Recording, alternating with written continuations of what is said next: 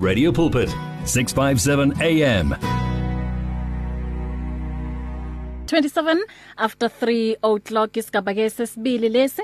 Kanti uyazi ukuthi esigabeni sesibili lapho sithola khona yebo 3 songs in a row eh bese sithola ke nama testimonies anamandla. Um uhambo lwethu alufani bazalwane. So ingakho omunye nomunye umuntu unobufakazi um and wonke umuntu ubona nje ubukhulu bukaNkuluNkulu nothando lukaNkuluNkulu ngendlela ehlukahlukile. And engikuthandayo kule insuku ukuthi hey abantu bayabhala. And ngithanda kakhulu ukuthi uma bebhala babhala ngem umuntu ubhala ngempilo yakhe. So namuhla nginomunye wababhali um usis Maseho kwenamori ubhale incwadi la ibizwa Reason Not to Fall. Um uma bengakho ungakhumbula futhi akusikoqala ngiba naye emoyeni.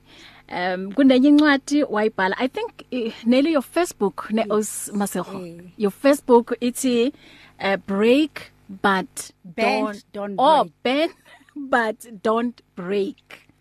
And ubuyile futhi ngenye incwadi. I think this one is the second one yes.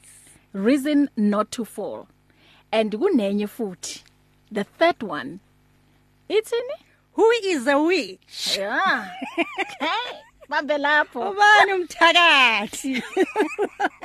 Ay ibambe lapho. Namuhla sila ku reason not to fall. And bengithi ngiyabuka uhambo lwakho from your Facebook beyikhuluma ngendaba ye addiction, ye gambling. And you know usathana zanga qede ngawe ngaleso sikhathi. Wathi ngiyamfaka ku gambling, ngifuna ukubona ukuthi impilo yakhe izohamba kanjani. uNkulunkulu wathi mhm hayi ngomntwana wami mina i know ukuthi why ngimlethile la emhlabeni ngine purpose ngaye and uma ingekenzeki akayindawo wabuya futhi wathi you know modimo ubile motle mo bophelo mbaka and ayibona gantshitse mo bophelo mbaka um ngizophila and ayikho nje asikho isizathu even nesi1 a reason a1 etlayetsang hore ke tloge mo modimong.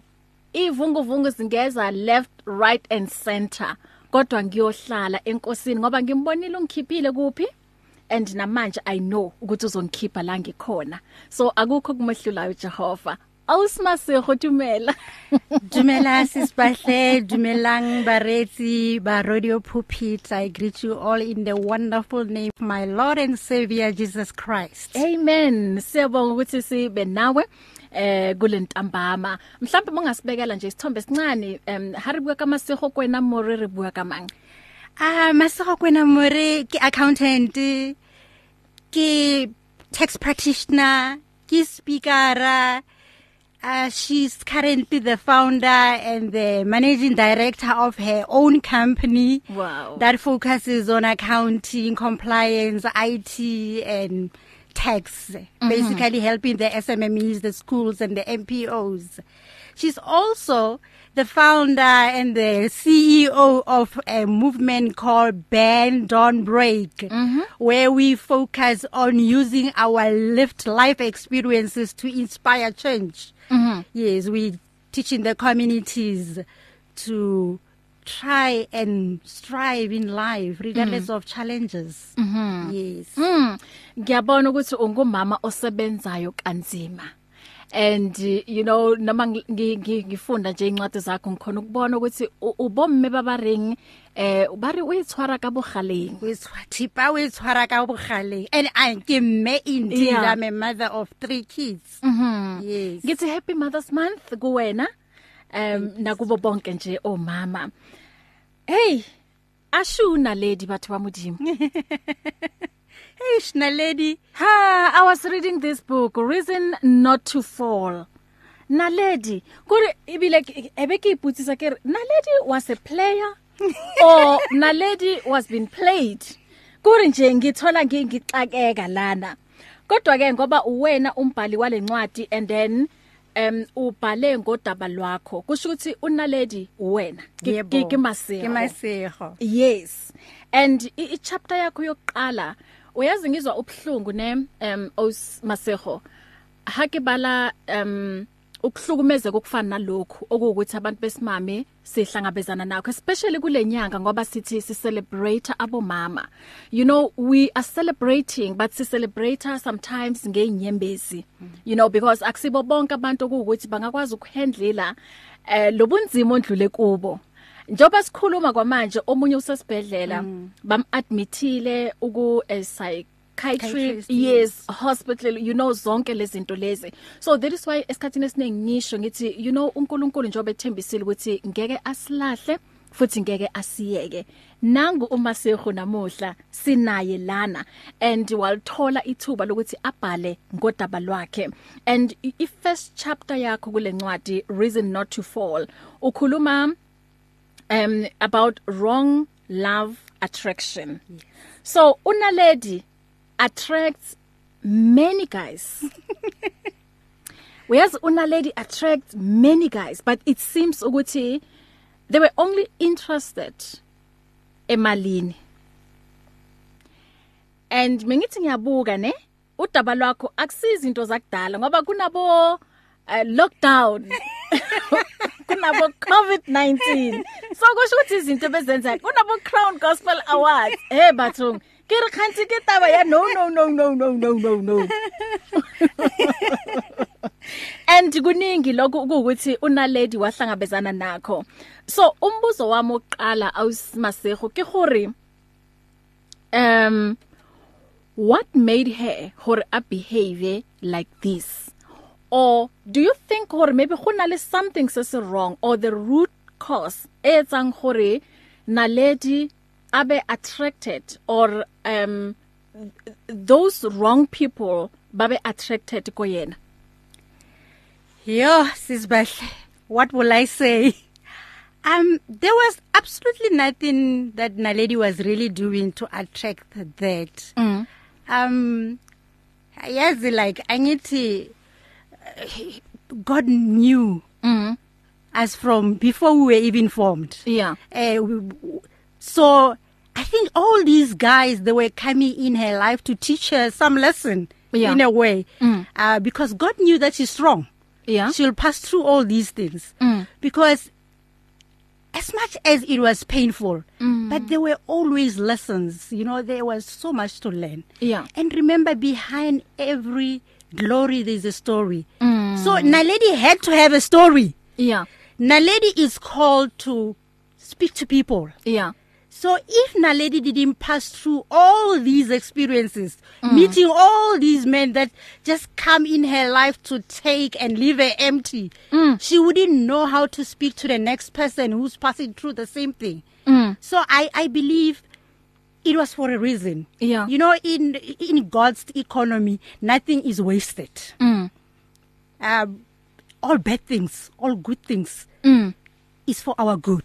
Mm. So I wouldn't say Naledi was doing anything wrong. She Yeah. had to. It was a journey. It was a destiny Mhm. to pass through all these things Yeah. so that she can able to encourage somebody else who's passing through the same thing. That you know, Mm. ukuba muhle doesn't mean anything. Yeah. You know, some of us we didn't like get a man today because you're beautiful. He say beautiful, give you a child, mm. and then you get married. Mm. Some of us we had to go through one person rape, date rape, you name it. Mm.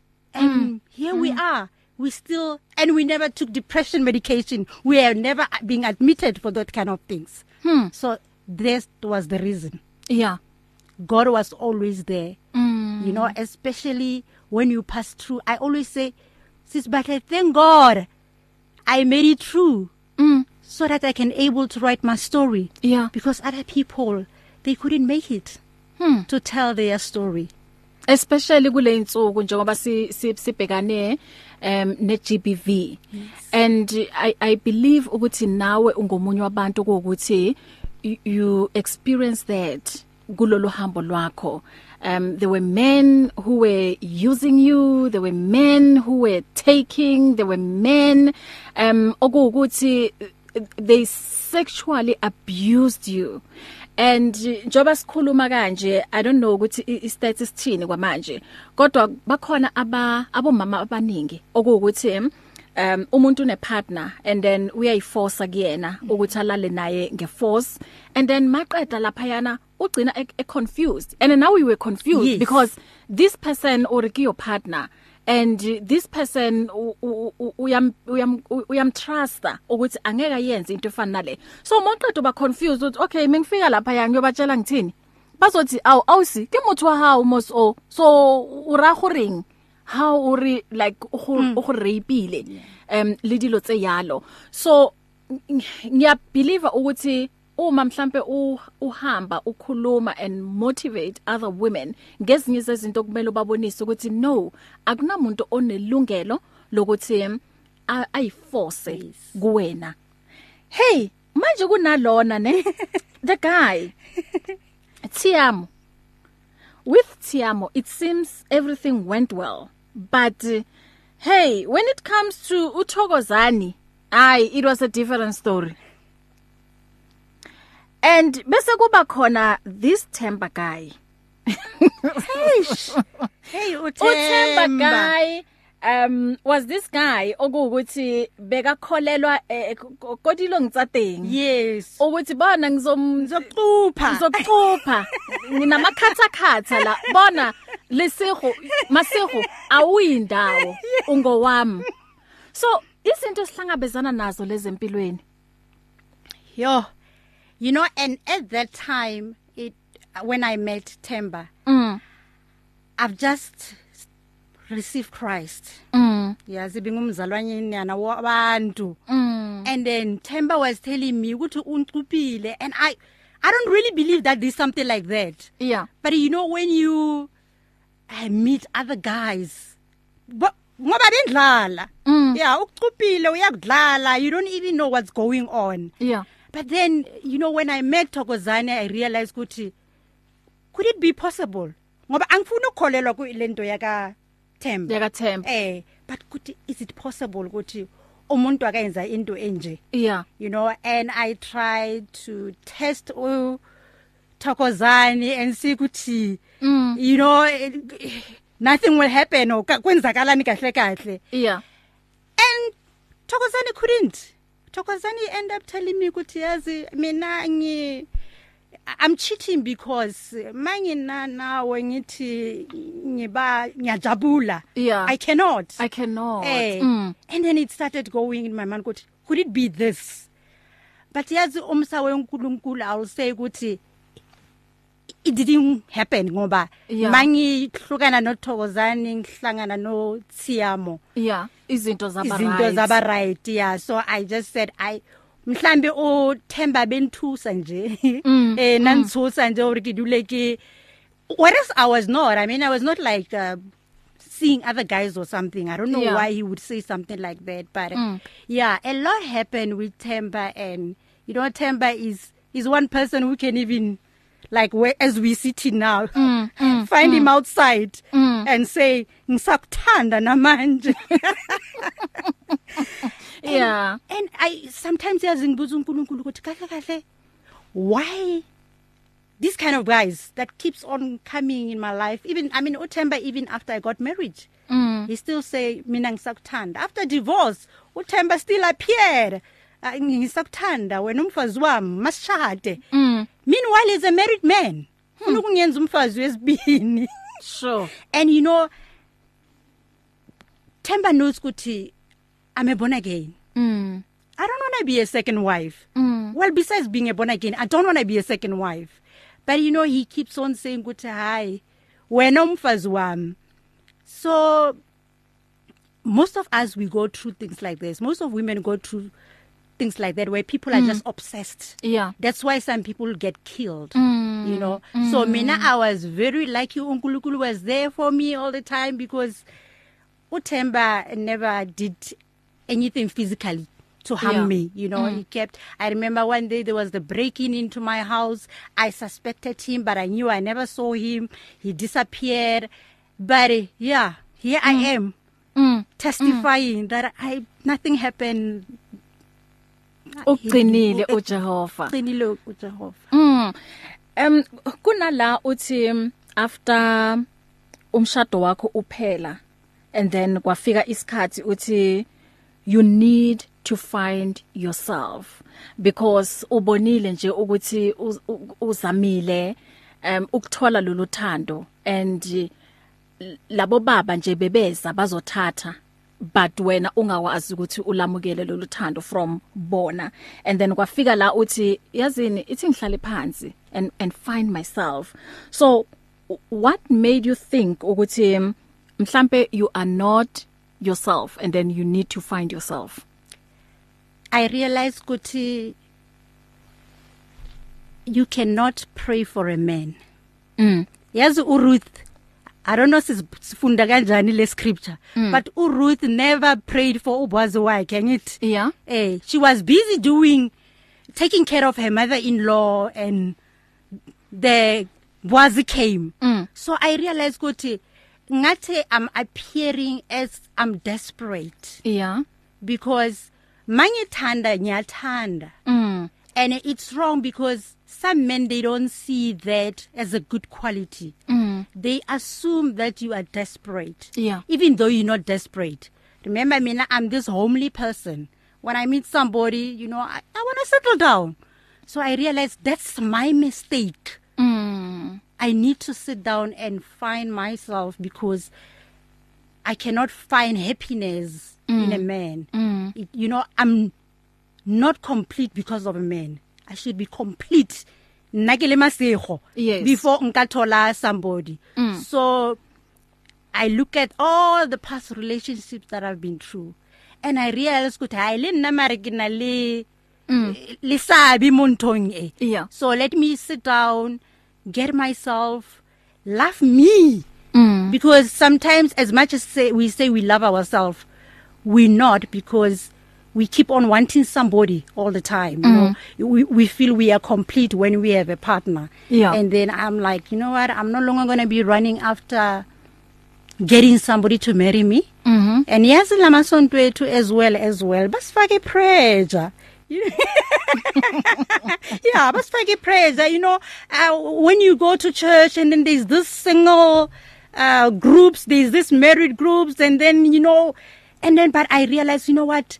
It doesn't matter anymore. Mm mm mm mm. Let god do the leading. Yeah. Let he leads me in this area of relationship.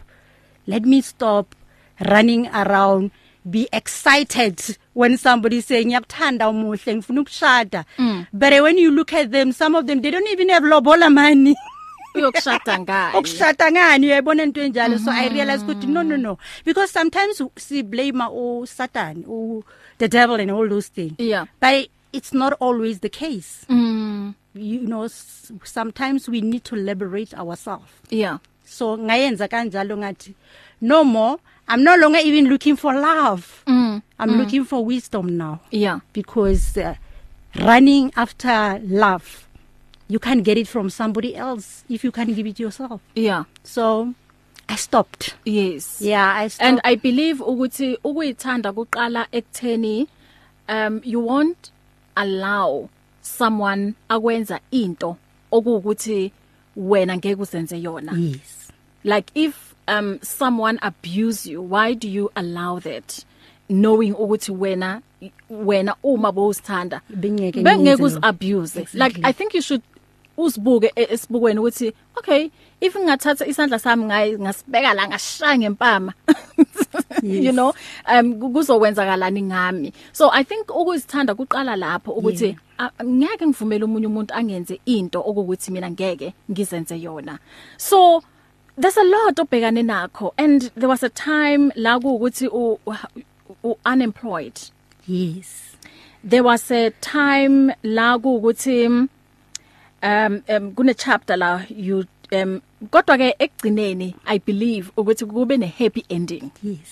Yeah. So take us through i- i- ukuphila kwakho unemployed and then wakubona no no japila man. No no phela kuthebelele. Nokhuluma nathi from hero to zero. Cabanga.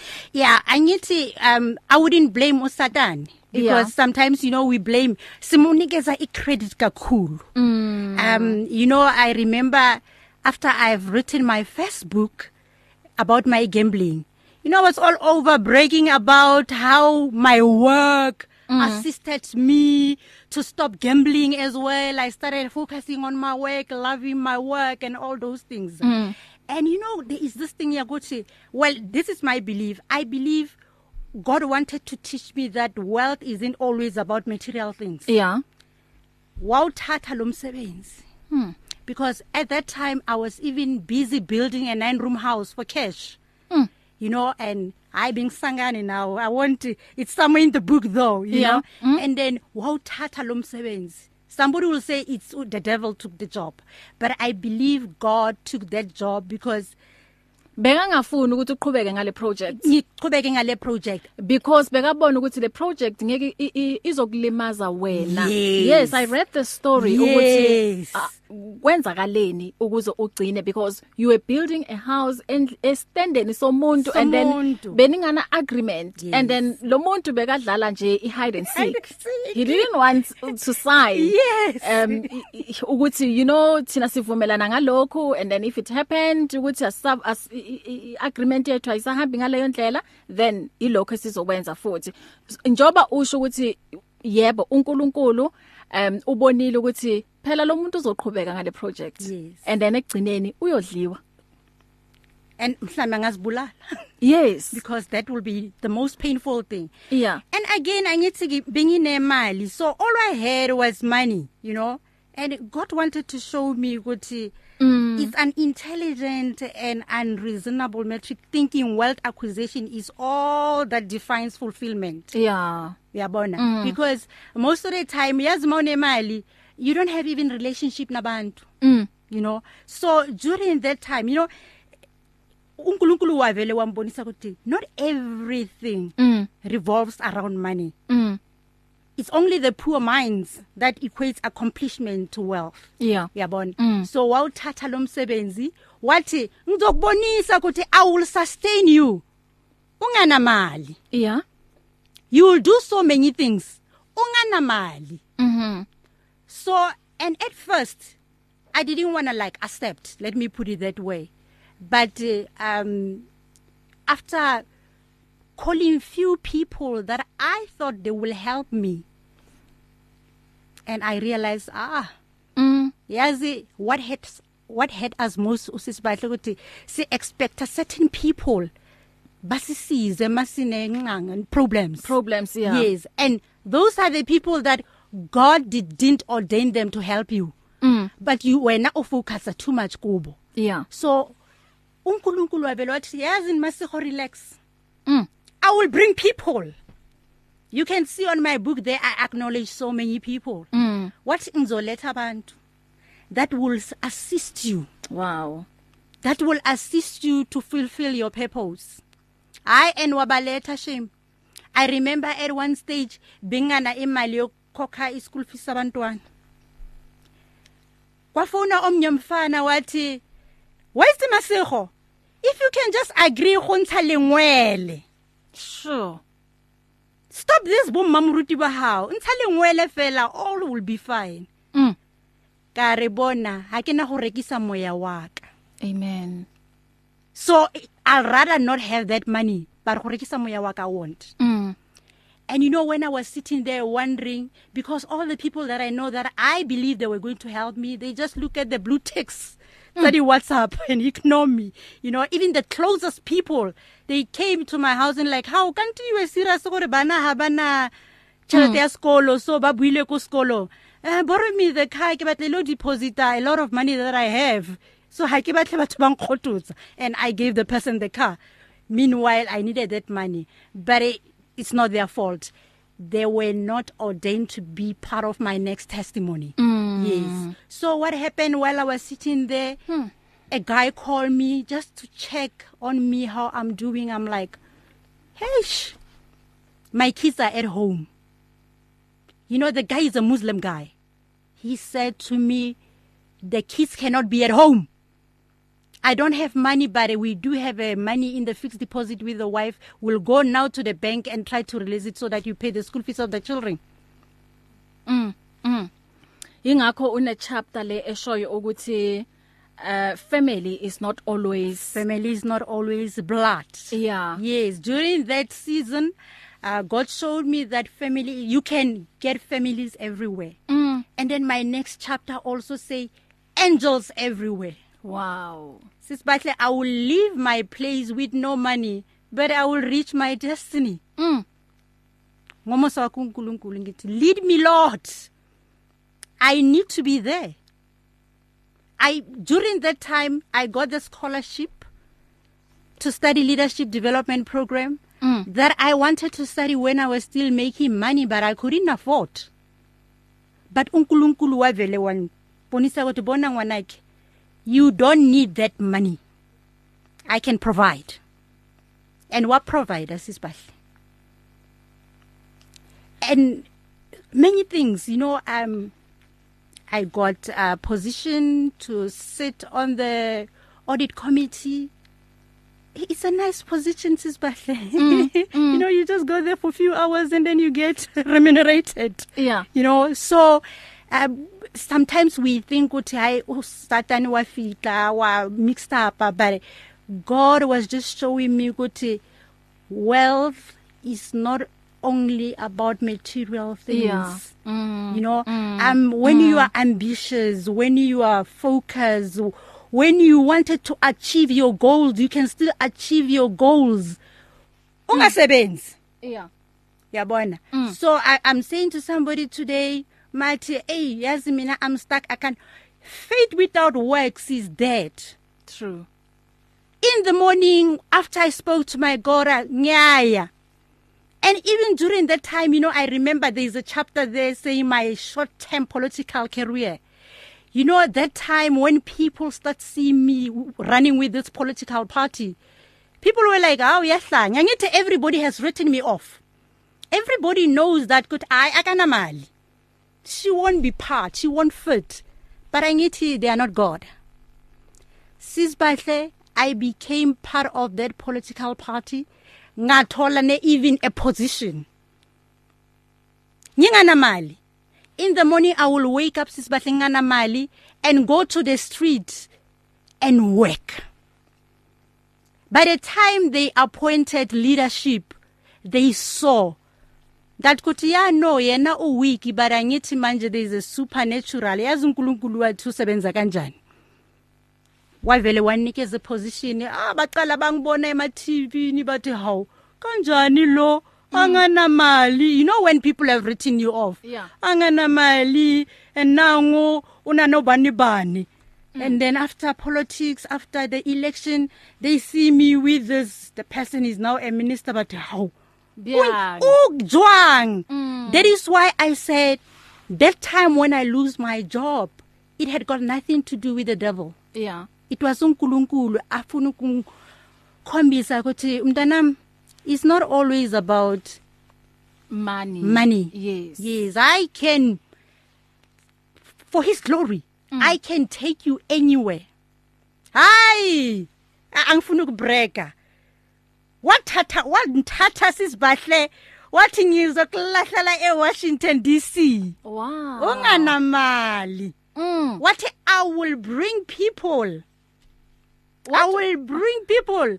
Ngibingana nemali ye visa boyo kwenzani e- e- e- okay ithi sibambe lapho sithatha ikhefu kumele ngikwenze lokho eh ngindlule ngala. Uzositshela ngale trip yakho to USA ukuthi ize kanjani. If you need prayer, please send your request to prayer at radiopulpit.co.za or WhatsApp 067 429 7564 or go to Radio Pulpit website on www.radiopulpit.co.za. Did you know you can order your favorite Radio Pulpit programs on CD so that you can listen to them whenever you like? Contact our friendly client services department now to place your order. You will find them on 012 334 1200 657 AM. Your daily companion. Do you want to grow your business sales? Do you know that you can advertise on Radio Pulpit, Radio Pulpit website, the Word for Today magazine, and the Word for You Today magazine at the ridiculously low prices? Yes, you can indeed. Radio Pulpit, your daily companion, offers you the platform to grow your businesses at the best affordable prices. Simply contact me, Godfrey Moabi, on godfrey at radiopulpit.co.za or call me on 012 334 1265 and I'll tell you how. Remember, I've made it my business to grow your business. Be doers of the word with 657 AM. Sounds of life. Ilapho sikhona impela ku AM 657 kwamanje ngihleli la nosis uh, Masiho kwenamore. Ubhale nje incwadi ezimbalwa kodwa namuhla sibheke kule ethi reason not to fall. Usimasiho wabona hore nako kuyona mara ekaring itlo i, i, hey. Iyarishapa. Iyarishapa. Um kule 1 minute e- es- esisele ngayo sitshele ngetrip yakho to the US Oh no, the trip was wonderful. God was there on the trip all the way from the beginning to the end. Mm. Yes, um wow. They will read more on the book those who want to read about the trip, yeah. And you know, reason not to fall the name is actually my son who came up with the name. mm. She said, "You know, mommy, um what you've been through, you could have killed yourself." Mm. You know, uh he said actually reason not to fall is like you know confederacy speaking you know this he was speaking english that i don't understand yes but labantwana mm, what he like even the, the the the cover the cover he came with the cover idea ati you focus. Where you going? The cover somebody must be going front not look backwards. Because what you that's what you've been passing through. And I thank God for the support of my kids. I mean young wow. as they are. And I've seen God in everything. Ngingasebenzi nginganamali my kids never like went to a different school. They continue going to a private school. Ngingasebenzi nginganamali mm. God was there. And that's why ngithi le ndaba yomsebenzi it was not because u devil was attacking me. uNkulunkulu wanted to show me ukuthi I can sustain you. Yeah. I'm the provider. So mm. if you don't believe angazi ngoba what I'm telling you people where I am staying they are testing they are the witness. They've seen my walk. They've seen me trusting God even where it was impossible. And I can tell you I never got sick. Mm. through those years never got sick never you know drink depression medication. No.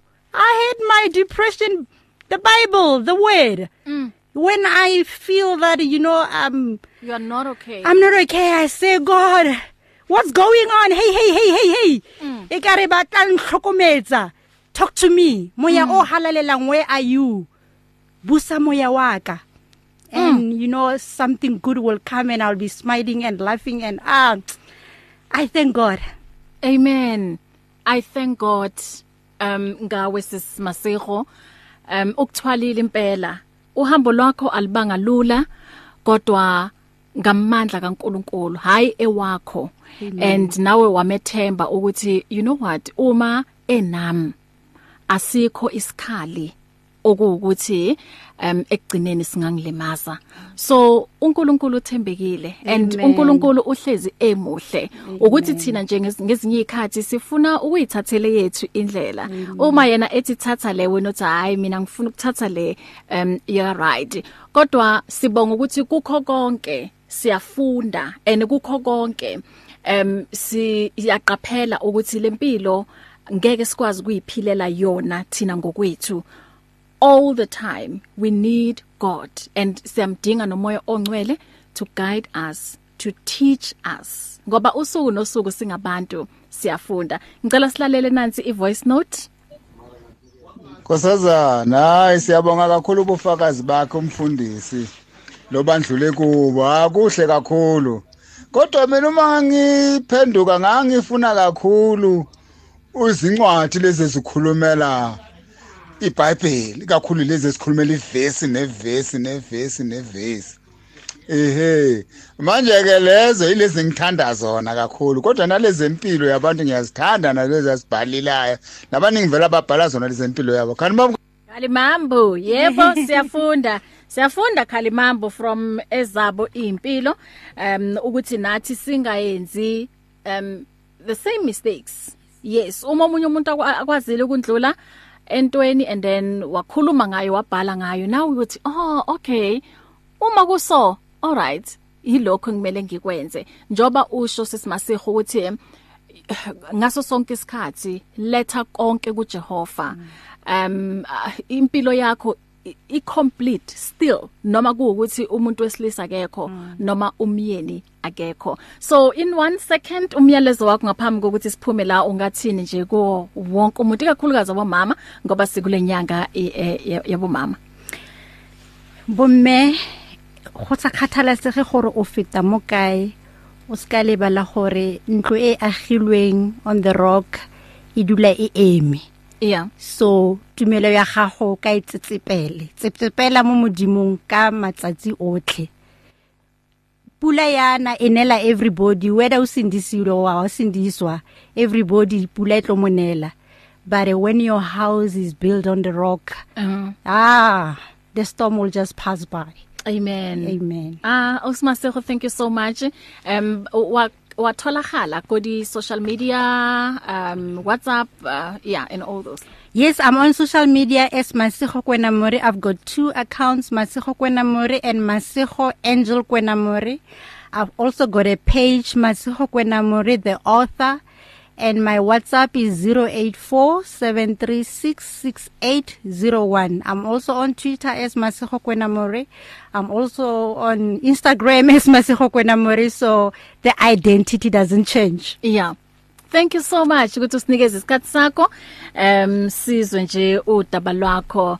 Yebo, siyohleze simdumisa uJehova. Kukubi noma kukuhle. Amen. Isikhathi ke sithi 4 after 4 singene ke ku um final hour yala kulolu hlelo umphathala um sijula ezwini.